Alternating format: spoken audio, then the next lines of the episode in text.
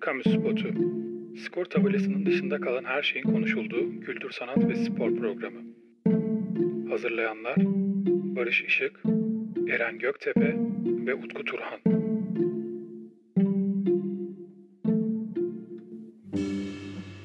Selamlar, Kamu Spotu'nun yepyeni bölümüne hoş geldiniz. Kıymetli dostlarımla birlikte verdiğimiz e, sistematik araların ardından yine sizlerle birlikteyiz.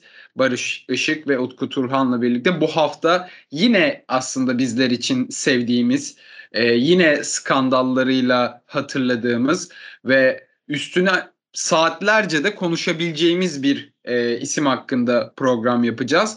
E, pop müziğin kralı Michael Jackson'ı konuşacağız. Yani daha e, ufacık bir veletken abileriyle birlikte çıktığı müzik kariyerinde Jackson 5'ti yanlış hatırlamıyorsam. Ardından da dünyayı kasıp kavurduğu bir e, kariyer ve e, tatsız bir e, hayat sonuyla bizlere veda etti. Çünkü skandalları ve e, yaşadığı rahatsızlıkların ona getirdiği bir sürü e, sıkıntı vardı. Ne derler bilirsiniz ne kadar büyükse o kadar e, sert devrilir derler. Michael Jackson'ın da aslında kariyerinin sonu biraz ve hayatının sonu biraz e, böyle çalkantılarla doluydu. Vaktimiz kalırsa tabii ki onları da konuşuruz ama e, daha çok bizdeki yerini ve tabii ki kamu spotunda o asıl olmasının sebeplerinden biri olan sporla olan ilişkilerini sizlerle konuşmaya çalışacağız. Ben girizgahı biraz uzun tuttum beyler. O yüzden direkt pası e, Utku sana veriyorum. Sen de başlayalım. Aslında bunu da bir rutine e, dönüştürdük. Senden direkt Jackson'la ilgili ilk sözlerini alalım. Ardından da Barış abiyle sohbetimiz devam etsin. Ya ölümünden başlayayım o zaman ben. Şimdi sen bir açılış yaptın işte skandallar dedin. Doğru. E, fakat nasıl büyük bir isim olduğunu belki en iyi anlatan şeylerden bir tanesi ölümü. Neden böyle diyorum? 2009 yılında Michael Jackson ölüyor. Son albümü 2001 yılında çıkarmış. Aradan 8 yıl geçmiş. 8 yıl boyunca albüm yok ortada. Ve 2005 yılında hakkında çok ciddi ithamlar var. Yani bir insanın pedofili olması başlı başına bir itham değildir. Pedofili bir hastalıktır da. E, bu arada hani Michael Jackson pedofildir diyemeyiz. Sadece böyle bir suçlama var. Yani çocuk tacizcisi olduğu, daha doğrusu çocukları cinsel yönden istismar ettiğine ilişkin iddialar var ve bu konuda açılmış davalar var ama şunun altını çizerek söyleyeyim davalardan aklanarak çıktı. Suçlu bulunmadı yani. Bazısında da anlaşma ile çıktı. Şimdi anlaşma deyince insanların aklına ha, demek ki tacizciymiş ki anlaşıldı gibi bir şey gelebilir ama ondan bahsedeceğim. Öyle bir şey yok.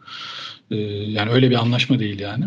Ya şunu söyleyeyim işte 2009 yılında ölüyor. Dediğim gibi 8 yıl albüm yapmamış ve öldüğünde Google bu anlatacağım şey daha sonra bir daha olduğunu bilmiyorum. Ben bir tek bu olayda oldu diye biliyorum.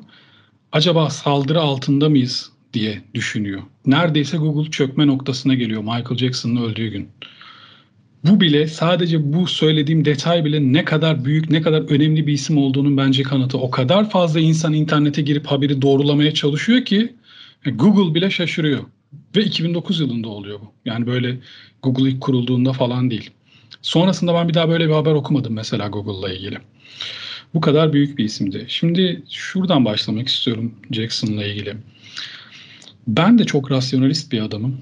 Her şeyi mantık üzerinden ve işte materyalist ögelerle açıklamaya çalışan biriyim. Ama duygular var sonuçta ve bunlar inkar edilemez. Ve bazı şeyleri anlamak için o duyguları hissedebilmek lazım. Elbette rakamlar birçok şeyi anlatıyor zaten. Yani bugün Michael Jackson dünya tarihinin gelmiş geçmiş en çok albüm satan 3-4 isminden biri. İşte bir tanesini konuşmuştuk zaten Beatles'ta yine bizim programın konusuydu. Elton John da keza öyledir. Onu da konuştuk. Michael Jackson da bunlardan bir tanesi. Ama en yani bir hitiyle, bir şarkısıyla en uzun süre zirvede kalma rekoru Michael Jackson'da olabilir. Kimilerine göre dünyanın en çok albüm satan ismi de zaten Michael Jackson deniyor. Fakat bu rakamlar sadece belirli şeyleri anlatabiliyor. Evet bunlar çok önemli doneler ama benim çağdaşlarım olan insanların için Michael Jackson'ın önemini anlatmak çok zor. Onu, onun dönemine tanık olmamış birilerine. Bu tıpkı şey gibi. Ben Beatles'ın çok önemli bir grup olduğunu biliyorum. Fakat asla Beatles'ın o parladığı zirveye çıktığı yıllarda ergen olan, genç olan insanlar için ifade ettiği şeyi Beatles benim için ifade etmiyor. Michael Jackson'ın da ben ne kadar anlatırsam anlatayım eminim ki e, bu işte Z kuşağı denilen 2000 sonrası doğan insanlar için bizi dinleyenler varsa aralarında çok bir şey ifade etmeyecektir. Yani diyeceklerdi ki tamam çok albüm satmış işte dinledim tamam evet dans da fena değil ama hani ne ki bunun önemi denebilir. Ee, bir ankette yapılan bir ankette dünyanın en çok tanınan insanı seçilmiş Michael Jackson 90'lı yıllarda. Ee, neden duygulardan bahsettim? Şu yüzden bizim zamanımızda yani benim çocukluğumda tabii ki internet yoktu ya da varsa da bu kadar yaygın değildi. Tam hatırlamıyorum. Fakat bir şekilde Michael Jackson ismi gelmişti bize. Herkes biliyordu. Tanımayan yoktu yani. Bir ilkokulda Michael Jackson dediğinde ya Michael Jackson kim diyecek herhangi bir öğrenci yoktu mesela. Ya bu kadar ya bu nasıl bu kadar tanınmışlığa ulaştı o dönemde bilmiyorum. Günümüzde bu kadar tanınan insanlar yok mu? Elbette ki var. Fakat o hat, hatırda kalma süresi asla Michael Jackson kadar uzun olmuyor.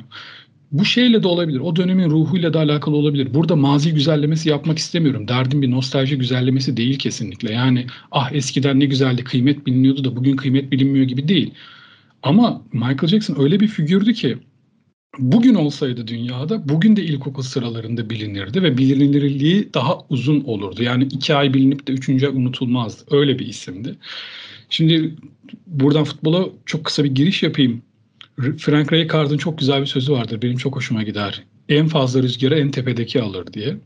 Ya bu kadar tepede olan bir adamın adının herhangi bir skandala karışmaması zaten mümkün değil bence.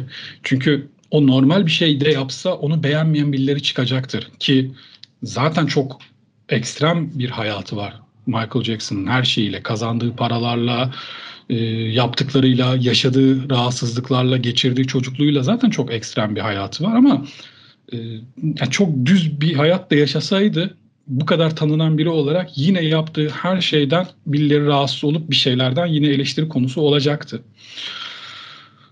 Çok kısa başlamışken çocukluğuna çok kısa değineyim çünkü oralardan çok bahsetmek istemiyorum. Biraz da tabii şey e, hani net bir kanıt yok elimde ama çok zor bir çocukluk geçirdiği söyleniyor. Yani babasından şiddet gördüğü, zorla sahneye çıkartıldığı 5-6 yaşlarındayken henüz ilk sahne deneyimini o yaşlarda yaşadı ve bunun babasının zorlamasıyla olduğu söyleniyor bazı kaynaklarda.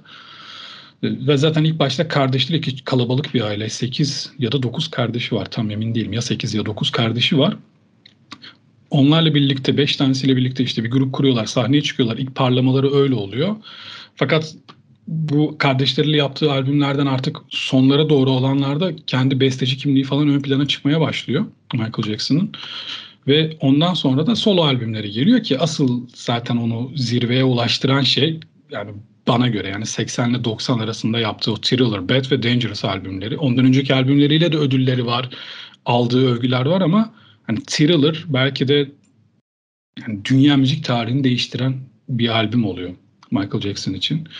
Fakat bununla beraber bu şöhretin yanında başka şeyler de geliyor. Bir tanesi çok ciddi bir deri hastalığı var Michael Jackson'ın. Fakat belki işte eskiden yine zamanın ruhuyla alakalı bilgiye ulaşmak kolay olmadığı için ve bir şeyler günümüzde de böyle de hani geçmişte en azından doğru bilgi ulaşmak daha da zor olduğundan bir tane yanlış bilgi basına çıktığında o yayıldığında onun öyle olmadığını anlatmak çok zor. Dolayısıyla ten renginden utandığı için tenini beyazlaştırdığı iddialı ediliyor Michael Jackson'ın ve bu iddia o kadar çabuk kabul görüyor ki dünyada. Çok çabuk benimseniyor. Yani sanki bekliyorlarmış böyle bir iddia gelmesini. Peki neden kabul ediliyor bu kadar kolay benimseniyor? Bu şimdi kendi yorumumu söylüyorum. E Michael Jackson çünkü bir siyahi ve bugün bile hala dünyada ırkçılığın konuşulduğu düşünülürse 80'li yıllarda Amerika'da bir siyahinin bu kadar zirveye çıkması herkesin bence hoşuna gidecek bir şey değil. Yani keşke öyle olmasa ama mutlaka bundan rahatsız olanlar vardır. Şöyle bir bilgi daha vereyim. MTV'de siyahi olarak canlı performansı yayınlanan ilk sanatçı Michael Jackson. Ya bu bile yaşadığı dönemi ve hani kimlerin kimler tarafından hani nefret odağı olarak seçileceğinin bir göstergesi değil mi yani sizce de? Yani o kadar da böyle şey değil. Yani bütün evet seveni çok, bütün dünya adama hayran ama bu büyüklükten rahatsız olanlar da illaki vardır. Ve zaten daha o yıl yani bu taciz iddialarına falan gelmeden zaten Michael Jackson'la ilgili bir sürü iddia var ortada. İşte oksijen çadırında uyuduğu söyleniyor. Ne alakaysa yani. Niye, böyle bir şey yapacaksa bu adam. Ee, siyah olmaktan utandığı söyleniyor. Ki aslında adamın yaşadığı şey bir hastalık. Zaten o yıllarda yani 80'li yılların ortalarından itibaren ilaç kullanmaya başlıyor Michael Jackson. Çünkü belli rahatsızlıkları var. Ve bu da aslında çocukluğuna dair belli iddiaları bence doğruluyor. Çünkü çok zor bir çocukluk geçirmiş. Çocukluğundan itibaren çok zor şartlarda büyümüş. Babası onu hep zorlamış daha çok çalışması için. Ki bu televizyon haberlerine de konulmuştu. Ben çok iyi hatırlıyorum. Michael Jackson'ın çok meşhur bir hareketi vardır. 45 derece açıyla eğilir mesela bununla ilgili bir uzmanın yorumu vardı. Yani Türk televizyon kanallarında da çıktı yani bu haber. Hatta YouTube'da hala duruyordur bence. Arasanız bulursunuz. Ya şöyle bir şey söylüyor bir fizyoterapist. Çok güçlü bacak ve kalça kaslarına sahip olmanız lazım bu hareketi yapabilmek için. Öyle 3 ayda 5 ayda çalışarak yapılabilecek bir hareket değil diyor. E Michael Jackson bu hareketi sahnede hep yaptı. Ve oradan da işte hurafeler üretildi. Mesela ayakkabılarının altında görünmez çivilerin olduğu ve sahnede çivilerin olduğu ayaklarını oraya saplayarak bu hareketi yaptığı iddia edildi. Evet Michael Jackson patentini aldığı ayakkabılara sahiptir doğru ve bu ayakkabılar mutlaka onun hareketlerini belli noktalarda kolaylaştırıyordur ama bu sadece bir illüzyon değil yani ya da kullanılan ekipmanla sağlanan bir illüzyon değil. Orada bir yetenek var. Adam çocukluğundan beri çalıştığı bir şey var orada. Keza yine herhalde herkesin bileceği ay yürüyüşü Moonwalk bunu bugün yapan belki Michael Jackson'dan bile iyi yapan insanlar vardır dünyada ama ben şununla ilgileniyorum. Ya bunu nasıl düşündün, nasıl buldun? Zaten onu en özel yapan şeylerden bir tanesi de aslında hani besteci kimliği, şarkı sözleri falan tamam ama koreografi ve sahne şovları. Çığır açmıştır bu konuda. Hala ben çok samimi söylüyorum. Tabii ki çocukluğumda Michael Jackson o kadar büyük bir efsaneydi ki onun etkileri tabii ki önemlidir üzerimde ama hala Michael Jackson performanslarını açıp seyrediyorum bazen ve ben hala çok etkileniyorum ve bugün için bile çok iyi olduğunu düşünüyorum. Örneğin ilk aklıma gelen herkese tavsiye edebileceğim 95 müzik MTV müzik müzik ödülleri gecesinde bir Dangerous performansı var ekibiyle beraber. Herhalde MTV tarihinin en iyi performansıdır belki de. Bugün iyi performanslar olmuyor mu? Tabii ki oluyor ama benim için gördüğüm en iyi sahne performansıdır hala o. Yine yakın zaman önce mesela ismini eksik söyleyeceğim sanatçılar olabilir ama yani Eminem vardı, birkaç rapçi daha vardı. Belki başka popçular da vardır. Çok takip et, etmiyorum ama Twitter'da falan bayağı olay olmuştu. Bu Super Bowl maçında işte devre arasındaki sahne şovu.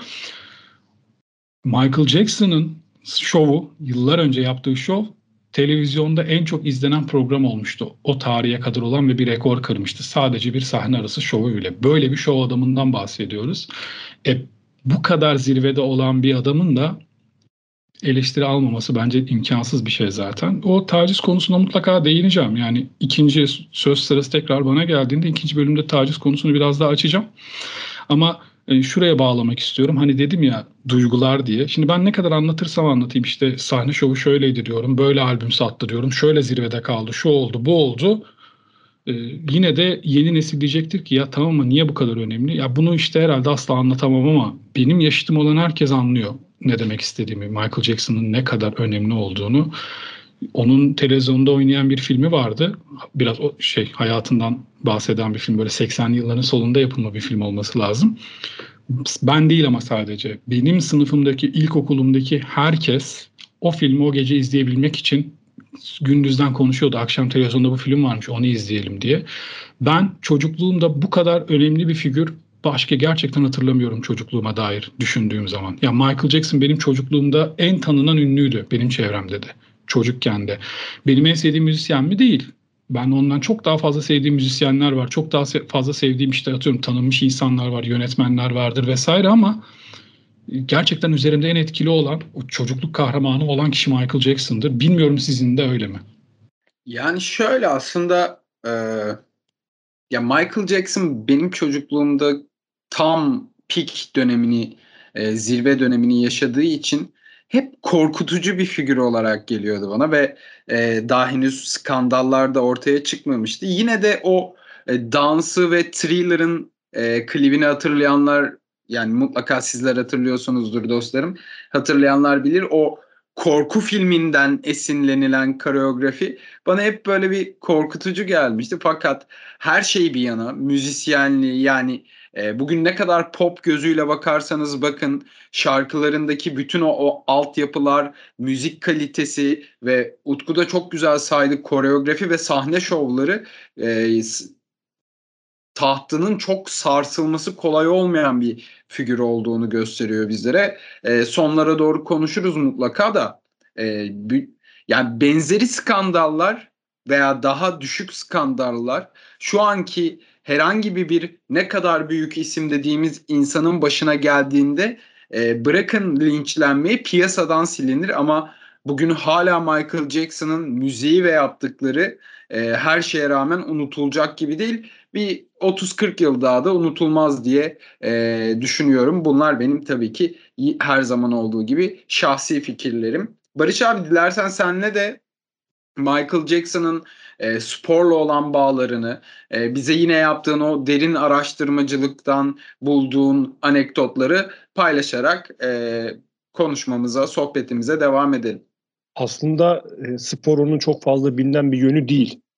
Yani sizler de bahsettiniz. Yani spora gelene kadar onunla ilgili konuşulması gereken belki birçok konu var ama ya biz tabii programımızın konseptine uymak zorundayız haliyle. E, bundan da birazcık bahsedeceğiz. E, dinleyicilerimizin de spor e, sevdalısı oldukları için Aa Michael Jackson'ın da sporla bağı mı varmış e, deyip mutlaka ilgilerini çekecektir diye düşünüyorum. Şimdi onun kardeşleriyle basketbol olan tutkusu e, birçok kişi tarafından biliniyordur diye düşünüyorum. Yine Jem şarkısının e, video klibinde Michael Jordan'la biliyorsunuz kameraların karşısında geçmişliği de var kendisinin. Onun dışında birazdan hikayesini daha geniş anlatacağım. E, Craven Cottage stadının dışına heykeli yapılıyor. E, sonrasında yine yakın arkadaşı olan Magic Johnson'a destek vermek için Lakers maçında tribünlerde falan bulunuyor. Ya böyle pek çok e, örnek var aslında çoğaltılabilecek şeyler var. Ben bunlardan böyle kısa kısa e, bahsederek e, gitmek istiyorum. Bir de e, klasik belki olacak ama hani Michael Jackson hangi takımın taraftarıydı ya da futbolda gerçekten ilgi duyuyor muydu falan bu soruların cevaplarını aramaya çalışalım. Sizler de bana yardımcı olursunuz diye düşünüyorum. Öncelikle e, Super Bowl'dan başlayalım. E, biliyorsunuz geçen haftalarda yine Super Bowl finali e, bayağı bir gündem oldu. Özellikle devre arası konserleri e, yine konuşuldu. E, 1993 yılında işte o konserlerden bir tanesinde e, Michael Jackson öyle bir e, yani mini konser mi diyelim artık yani çünkü 4-5 şarkı falan söylemişti. Öyle bir giriş yaptı ki e, belki bugüne kadar yapılmış olan o devre arası şovlarının en müthişi orada karşımıza çıktı. Şöyle ki örnek e, verecek olursak Amerikan televizyonlarında işte o zamana kadar elde edilmiş en büyük izlenme payı. Yaklaşık 100 milyon kişiyi ekran başına topladığı söyleniyor. Yani müthiş. Ee, öncelikle az önce bahsettiğimiz Michael Jordan'la birlikte oynadığı yani klibinde birlikte oynadığı Jam şarkısını söylüyor. Sonrasında Billie Jean, ardından Black or White ve son olarak da Heal the World şarkılarını seslendiriyor. Çok büyük bir başarı sağlıyor. E bu e, biliyorsunuz sonrasında e, devam ediyor bu kültür hala da günümüzde görüyoruz, izliyoruz. Şimdi gelelim bu heykelin hikayesine. Bu gerçekten çok enteresan bir hikaye. E, 1999 yılına dönelim. E, Michael Jackson Londra'ya geliyor ve Fulham Kulübü Başkanı onu maça davet ediyor. Michael Jackson elinde işte Fulham atkısıyla sahaya iniyor. Taraftarı selamlıyor. E, Nisan 2011'e dönüyoruz. Milyarder iş insanı işte o zaman Fulham Futbol Kulübü'nde başkanı, aynı zamanda da işte Michael Jackson'ın yakın arkadaşı, Mısırlı, hatta daha doğrusu Mısır asıllı diyelim, iş insanı Muhammed El Fayed kulübü e, o zamanki işte sahibi. Az önce dedim ya hani başkan davet ediyor. İşte başkan o zaten. Biraz dağınık konuştum kusura bakmayın. Toparlamışsınızdır inşallah kafanızda. Bu e, Craven Cottage stadının dışına Michael Jackson'ın heykelini dikiyor ve onun açılışını yapıyor. Ancak e, heykel e, taraftarlar tarafından eleştiri konusu oluyor. Yani diyorlar ki yani şimdi biz bu adamı buraya diktik ama hani bu adam bizim takımımızın taraftarı mı, oyuncusu mu? Hani biz bunu buraya niye koyduk? Tamam çok ünlü bir ekon, çok müthiş bir ekon. Eyvallah her şey okey de hani biz futbol takımıyla hani bu kadar özdeşleştirecek kadar ne var diye. E, 2013 yılında da e, takım el değiştiriyor. Takımın yeni sahibi Sait Kaan geliyor abi. ve heykeli stadyumun önünden kaldırtıyor. Ne yapıyor heykeli? Gidiyor El Fayed'in evinin önüne koydurtturuyor. Al diyor bu heykel senin olsun der gibi. Onun ardından da e, şöyle Fulham takımı o dönem Süper Lig'de e, iyi de bir e, yani futbol oynuyor. Bu sıralamada da güzel bir durumda. Sonrasında abi çok enteresan bir şekilde takım düşüş yaşamaya başlıyor. Arka arkaya maçlar kaybediyor, puanlar kaybediyor falan. Ve taraftarlar da bu sefer şeye inanmaya başlıyorlar. Ya diyorlar biz bu heykeli buradan kaldırdık. Acaba diyorlar bunun uğursuzluğu mu? Abi toplanıyorlar hep birlikte gidiyorlar El Fayed'in evine. Diyorlar ki biz heykeli geri istiyoruz. heykeli tekrar dikeceğiz stadyuma. E, tabii e, El Fayed'in cevabı da olumsuz oluyor. Hayır diyor, vermiyorum heykeli diyor. E, heykelin akıbetini e, merak edenler için söyleyelim. Mayıs 2014'te Manchester'da bulunan şu ünlü Ulusal Futbol Müzesi'ne kaldırıyorlar. Zannediyorsam hala e, günümüzde orada olması lazım. Bilmiyorum eğer son bir bilgi varsa elinizde lütfen paylaşın ya da dinleyicilerimizden bilen varsa programın altına mutlaka yazarlar diye düşünüyorum. E şimdi tabii e, bu hikayeyi anlattım. Bir yandan da hani şuraya bağlamaya çalışacağım. İşte gerçekten Fulham taraftarı mıydı? E, değil. Yani bu zaten gördüğünüz gibi taraftarların bile hani kabullenmediği bir durummuş. Yine başka bir takımla olan e, ilişkisi biraz daha geçmiş tarihte e, ortaya çıkıyor. 1983 yılında Amerikalı fotoğrafçı Todd Gray ile çektirdiği fotoğraflar çıkıyor işte Michael Jackson'ın bir anda ortaya. İşin şöyle bir ilginç yönü var. Michael Jackson'ın üzerinde e, 1980 yılında giydiği e, bu işte Fransız ekibi Nice takımının bir forması var. Bilmiyorum bu fotoğrafı mutlaka internette görmüşsünüzdür diye düşünüyorum. Biz yine sosyal medya hesabımızdan fotoğraflı e, pardon formalı fotoğraflarını paylaşırız. E, çekim e, tabii devam ediyor. Ev içerisinde çekiliyor falan. İşte fotoğrafçı diyor ki hani evin diyor bahçesinde diyor devam edelim. E, Michael Jackson da e, şey diyor. Yani Michael Jackson diyor ki üzerine diyor lütfen diyor rahat bir şeyler giy. Hani ondan sonra e, oraya geçelim falan diyor. Michael Jackson da işte gidiyor. Abi üstünde bu formayı giyip de tekrar dışarı çıkıyor. Hop oradan da bir e, dedikodu. Yani dedikodu demeyelim de e, oradan da bir tez ortaya atılıyor. İşte e, Nice takımının taraftarı. Ama e, ben size gerçekte e, hangi takımı tuttuğunu söyleyeyim. İngiltere'de günümüzde ikincilikte mücadele eden Exeter City'nin e, taraftarıymış Michael Jackson. E, Exeter City'de e, eski Yunanlılar takma adına sahip bir kulüp. E, bunu da buradan belirtelim. Şimdi e, ben son bölümde size işte Kobe Bryant'la olan ilişkisini e, anlatmak istiyorum. E, ama ondan önce sözü tekrar size bırakayım. Bir nefes alayım. Sonrasında e, bu ilişkiyi de sizlerle paylaşmak istiyorum. Şimdi Barış abi e, spordan bıraktı. Tekrar spora dönmeden önce dilersen Utku biz seninle biraz da e, Jackson, Michael Jackson'ın e, müzisyenliğini, müzik kariyeriyle ilgili konuşalım. Bir tane abimiz var YouTube'da ben çok severek takip ediyorum kendisi. E, büyük ba, büyük bateri davul kanallarında sürekli videoları düşüyor. E, sonradan öğrendiğime göre Jonathan Moffat isimli abimiz Michael Jackson'ın e, bateristiymiş. Şimdi biraz önce konuşurken de hani pop yapıyor gibi gözükebilir diye cümleye girmiştim. Utku da biliyor, dinleyicilerimiz de biliyor. Ben rock müzik seven, rock müziğe gönül vermiş bir insanımdır. Fakat bu e, pop temelli bazı büyük sanatçılarda gördüğüm şöyle örnekler var. Yani özellikle Michael Jackson'ın birçok eserinde bunu e, ele alabiliriz. Beat It olsun, Smooth Criminal olsun ve onun bu abimizin YouTube kanalındaki çalışmalarına bakarken ya baya baya temelli, baya baya hani e, alıp bir metal grubuna koysan sırıtmayacak nitelikte altyapıların olduğu, kaliteli e, perküsyonların bulunduğu şarkılar toplamı Michael Jackson'ın kariyeri. E, senin bu kariyere ve yaptığı müziğe bakarken etkilendiğin noktalar nelerdi Utku? Ben hani e, ne kadar anlatabildim bilmiyorum ama pop yaparken bile o kaliteyi koruyabilen insanlara çok saygı duyuyorum. Birkaç örnekte daha konuşmuştuk bunu diye hatırlıyorum. Sana da böyle bir pas vermiş olayım. Ben hani sözlerimin başında dedim ya o duyguları anlatmak çok zor diye. Şimdi ne kadar Michael Jackson'ın şarkılarından bahsetsek de dinleyen biri yani tabii belli başlı şarkıları mutlaka sever de hani Beat It, Smooth Criminal falan yani müthiş şarkılar. Hala her yerde çalan şarkılar bu arada. Bu, bu şarkılar yani bir amatör bir grubu dinlemeye gitseniz muhtemelen bir Michael Jackson cover'ı duyarsınız ondan da. Özellikle Beat It falan çalınır. E, o yüzden çok şarkılarından bahsetmek yerine senin yaptığına benzer bir şey yapacağım. O nasıl bir müzisyen olduğunu anlatacaktır bence. Biz bir bölümümüze kısa da olsa konuk etmiştik. Sanırım ikinci sezonda konuşmuştuk. Eddie Van Halen dünya tarihinin gördüğü en büyük gitaristlerden bir tanesidir. Enfes. Bir, bir, yani It'in solosu ona ait ve Michael Jackson'a çalmıştır. Bu bir. Yani bir taneyi koyduk. Hadi bir tane oldu diyelim. Slash. Guns N' Roses'ın efsane gitaristi. O işte şapkası, kaslı vücudu ve müthiş Godfather'ın o soundtrack'ini çalmıştır sahnede. Çok meşhurdur Gibson gitarıyla. Herkes tanıyordur yani Slash'i. Ağzında da sigarası lütfen. Aynen öyle. Yani herkes tanıyordur Slash'i. Yine rock tarihinin yaşayan en büyük gitaristlerinden bir tanesi. Daha yaşarken böyle tanrı mertebesine yükseltilmiş gitaristlerinden bir tanesi. Michael Jackson'a çalmıştır. Michael Jackson'ın gitaristi falan diye de anılmıştır yani. Yine Greg Howe.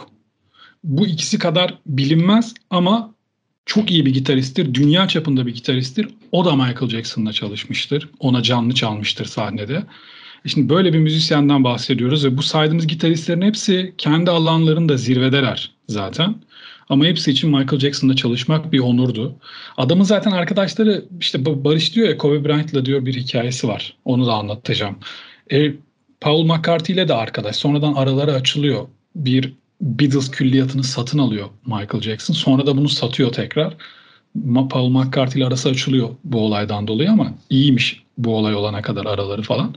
Ya bu kadar büyük bir müzisyenden bahsediyoruz. Ama birazcık müzik konusundan çıkartıp o tatsız konuya çok kısa değinmek istiyorum sadece. Burada tabii ki Michael Jackson avukatlığını yapacak değilim. Kimse de yapamaz ama kimse suçlayamazdı. Çünkü bütün dava sürecini bilmemiz lazım. Kanıtları vesaire oturup o şekilde tartışabilmemiz lazım. Onun yeri bir program değil. Ama şu bir gerçek. Girdiği davalardan aklandı. Yani hakkında açılmış devam eden bir taciz davası kalmadı. Diğerlerinde de çünkü birden fazla suçlama var kendisiyle ilgili anlaşma sağlandı.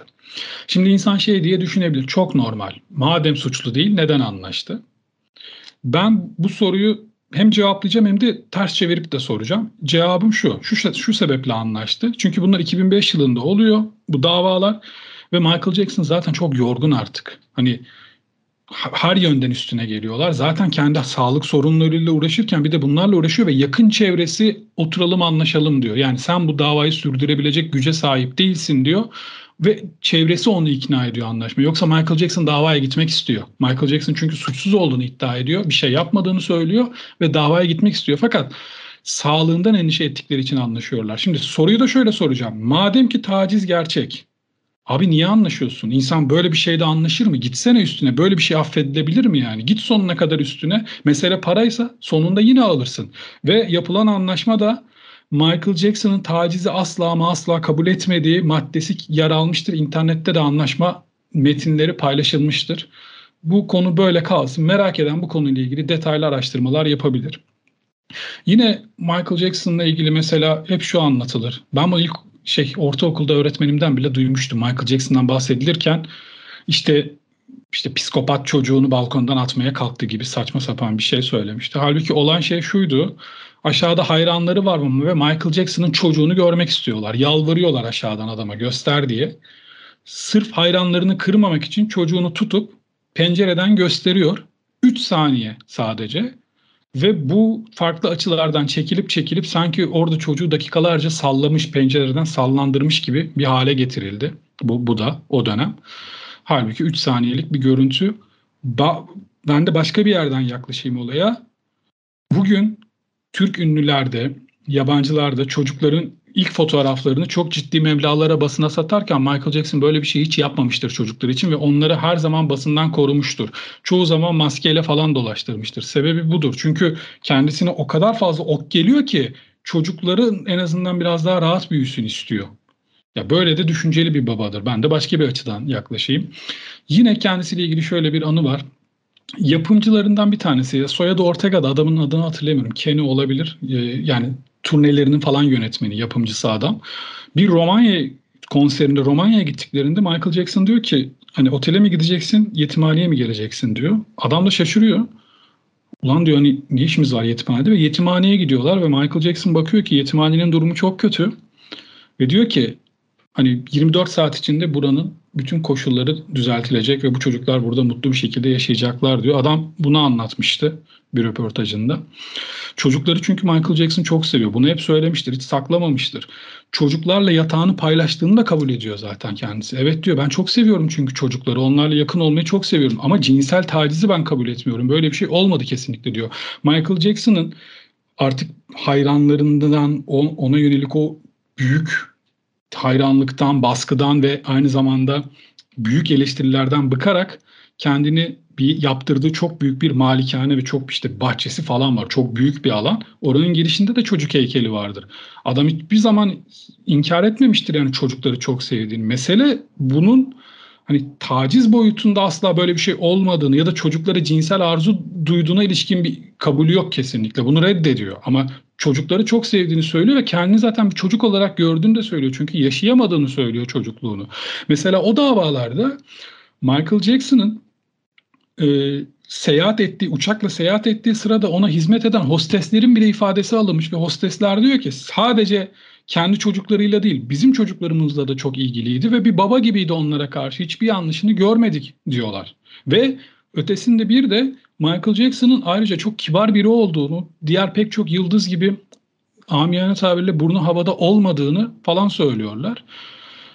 Bir şey daha anlatayım çok kısa Michael Jackson'la ilgili. YouTube'da olan bir görüntüdür bu. Tabii çok zengin bir adam Michael Jackson. İnanılmaz paralar kazanıyor müzikten. Çünkü inanılmaz satıyor albümleri. 250 milyonun üzerinde albüm kopyası satmıştır Michael Jackson albümleri toplamda. Sadece Thriller 50 milyonu geçti benim bildiğim kadarıyla. Şöyle bir e, olayı var. Bir alışveriş merkezinde ama bu alışveriş merkezinin sıradan bir alışveriş merkezi gibi düşünmeyin. İçeride satılan her şey antika. Her şeyin değeri çok yüksek. Ve alışverişi aynen şöyle yapıyor. Hiç abartmıyorum. Görüntüyü bulabilirsiniz YouTube'da. Bunu istiyorum, bunu istiyorum. Yani işte this one, this one, and this one, this one deyip geç, yürüyor sadece yani. Sadece parmağıyla gösteriyor. Bunu, bunu, bunu, bunu diye. Şimdi bunu şu yüzden anlatıyorum. Bu bana göre zaten bu şekilde yaşayan biri çok mutlu olamaz zaten. Bu bir mutsuzluk göstergesidir. Yani bizi biz yapan şey, bize hayattan keyif almamızı sağlayan şey zevklerimiz falandır. Ben Michael Jackson zevksiz biri demeye çalışmıyorum. Çok bu, bu bir ruhsuzluk göstergesi yani benim için. Ben o yüzden sözlerime başlarken söyledim. Hani çok farklı her yönüyle. Bu iyi anlamda demiyorum bunu. Yani normal değil yani ama bunu kötü anlamda da söylemiyorum normal değil derken. Çok zor bir hayatı var. Evet çok zengin, çok ünlü ama aynı zamanda çok yalnız. Ee, seveni olduğu kadar çok fazla sevmeyeni var ve ona yönelik ithamlar yenilir yutulur cinsten de değil. Bunlarla baş etmek de kolay değil yani birisi için. Çünkü bir sporcuysanız genelde günümüzde de vardır. Sevilmeyen sporculara şeyden vurulur. Yani sağdan vurulur. Karakterle ilgili çok fazla yanaşamazsınız, dokunamazsınız. Michael Jackson bence o dönemde siyahi olmasının etkisiyle çok yerden vuruluyor. Yani bir siyahiye ırkından utandığı için kendini beyaz yaptı ithamı bence çok büyük zaten. Hani bununla baş etmek, insanlara öyle olmadığını açıklamaya kalkmak falan çok kolay şeyler değil. Son olarak da şunu söyleyeyim. Biraz belki ayrımcı bir söylem gibi olacak ama beraat ettiği davadaki jüri üyesinin tamamı beyazdı ve zengin adamlardı hepsi. Hepsi de masum olduğuna kanaat getirdiler Michael Jackson'ın. Bunu da dipnot olarak düşmüş olayım. Ya bildiğim kadarıyla e, kendi malikanesinin adını Dreamland koymasının nedeni P- Peter Pan e, hike- öyküsündeki o uçsuz bucaksız diyarların adının Neverland olması diye biliyorum. Bir yerde okumuştum bunu ve içinde de roller coaster falan olan inanılmaz bir e, malikaneydi. Tabii o öldükten sonra hepsi e, elden çıkarılmak zorunda kaldı ama e, bu bu anek anekdotu da paylaşmış olayım. Bir de bir belgesel önereceğim ben din, dinleyicilerimiz için. Tüm bu suçlamalar ve o dönemde o e, Neverland'de, Dreamland'de bulunmuş çocuklarla yapılan röportajların yer aldığı Living Neverland Michael Jackson and Me belgeselini önereceğim. 2019 yılında yanlış hatırlamıyorsam e, yayınlanmıştı. Güzel bir belgesel, karanlık bir belgesel. E, Utku'nun tüm saydıklarının yanında bu belgesele de göz atmak isteyebilirsiniz diyorum. E, bunu da araya sıkıştırmış olalım. Barış abi sana dönelim artık. Biz yeteri kadar lafı uzattık. Biraz da seni konuşturalım. Şimdi ne kaldı geriye? Kobe Bryant'la olan ilişkisinden bahsedeyim ve e, ben de artık sonlandırayım süremizi aşmayalım. Şimdi Kobe Bryant'ın onunla ilgili şöyle bir sözü var. O son derece samimi ve harika bir insandı. Dansları ve hareketleriyle oyun karakterime ilham verdi. Sadece bu sözden bile anlaşılacağı üzere Michael Jackson kariyerin henüz başındayken Kobe Bryant'ın akıl hocalığını yapmış oluyor. Yani ona e, nasıl söylenir? Yaşam koçu mu denir? Yani işte e, idol idol mü denir? İkon yani idol ikonu mu olmuş artık yani o tarz bir şey. Ve ona şarkılarını nasıl yaptığını, işte konserlere nasıl hazırlandığını falan da anlatıyormuş aynı zamanda. Özellikle Thriller ve Bad albümlerinin hangi zorluklardan sonra doğduğundan falan bahsetmiş. Ve Kobe'de doğru hazırlığın ne olduğunu Michael'dan öğrendim diyor ve sözlerine şu şekilde devam ediyor. O beni 3 şampiyonluk yüzüğünü kazanabileceğim seviyeye çıkaran kişiydi diyor. Gerçekten iddialı. Spike Lee, ünlü yönetmen ve birazdan bir Michael Jackson belgeselini e, yap, önereceğim sizlere. Onların ilişkisini de şöyle ifade ediyor. Diyor ki büyük bir sanatçıysanız diğer büyük sanatçılara ilham verirsiniz. Sizinle aynı anda çalışmalarına gerek yoktur aynı alanda. Sonuç olarak Kobe tüm dünyaya Michael Jackson'da hem tüm dünyaya hem de Kobe Bryant'a ilham vermiş. Biliyorsunuz 25 Haziran 2009'da e, Michael Jackson hayatını kaybediyor ve Time dergisinin Temmuz sayısında Michael Jackson'ın kendisiyle için ne ifade ettiğini e, o ne ifade ettiğini yazan bir yazı inşa ediyor Kobe Bryant. Bunu da buradan belirtelim. Şimdi e, birçok e, şarkısı, birçok albüm mutlaka e, önerilebilir ama ben üç tanesi benim hem çocukluk hem de gençlik yıllarıma denk geldiği için işte sırasıyla Bad, 1987 yılına ait, 91 e, çıkışlı olan Dangerous ve 95 çıkışlı olan History albümlerini size önereyim dinleyicilerimize. Yani mutlaka dinlemişlerdir ama yeni nesil az önce Utku da bahsetti. Belki çok fazla bilmiyordur. E, mutlaka e, dinlesinler derim. Bunun dışında e, Spike Lee dedik. E, Michael Jackson's Journey from Motown of the Wall. 2016 e, yapımı bu. E, Michael Jackson efsanesinin başlangıç yıllarına ışık tutuyor kendisi. İşte onun yükselişini inceleyen bir belgesel film. E, bunun dışında bir de yakın arkadaş olan David Guest'in yine yapımı olan Michael Jackson The Life of an Icon belgeseli var. E, ikon. 2011 yapımı bir belgesel. Burada da e, şöyle bir özelliği var. E, şöyle anlatayım. Şimdi kendisi zaten en yakın dostu Michael Jackson'ın. E, bunun dışında işte ailesini, yakın arkadaşlarını, yaklaşık 50 kişiyi e, ile röportajlar yapıyor. İşte onunla ilgili işte Michael Jackson'la ilgili düşün, duygu ve düşüncelerini falan alıyor, e, kayda alıyor, toparlıyor falan. Güzel bir belgesel olmuş. Bunu da e, daha önce izlemeyenler varsa önermiş olayım. E, benden bu haftalık bu kadar diyeyim. Ben de tek bir cümleyle bitireyim o zaman. Ben bana göre pop müziğin tek gerçek kralı. Yani tek kralı zaten. Ve işte dedim yani albüm yapmıyor, ortalarda gözükmüyor, müzik şirketiyle tartışıyor, yüzü nedeniyle yani dalga geçiliyor adamın yüzüyle. Bu birçok yere konu olmuştur, espri konusu olmuştur. South Park'ta bile bir bölümü vardı ki hani sebebi sağlık sorunları aslında ama yüzüyle falan dalga geçiliyor. Ve ona rağmen 2000 ya da 2001 ya da 2002 yani bu üçünden biri o yıllarda yani çıkardığı albüm yine 10 milyon satıyor. Ve tek bir kliple. Yani bir tane klip çekebiliyor albüme sadece. Turne yok. Hiçbir şey yok. 10 milyon satıyor. Ya böyle bir adamdı Michael Jackson.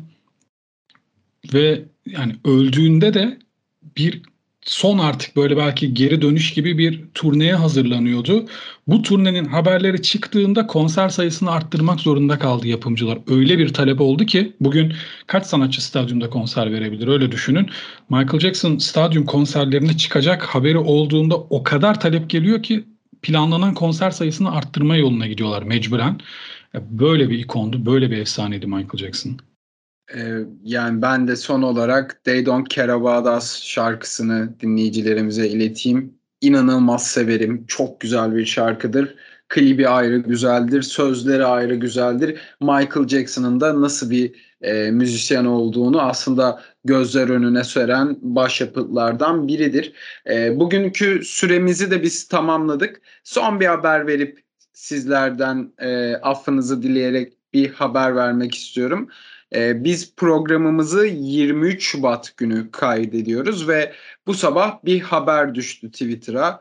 E, Screaming Trees grubunun kurucusu e, Seattle'lı abimiz Mark Lanegan hayatını kaybetmiş. E, benim çok sevdiğim bir insandı. Çok sevdiğim bir vokaldi kendisi.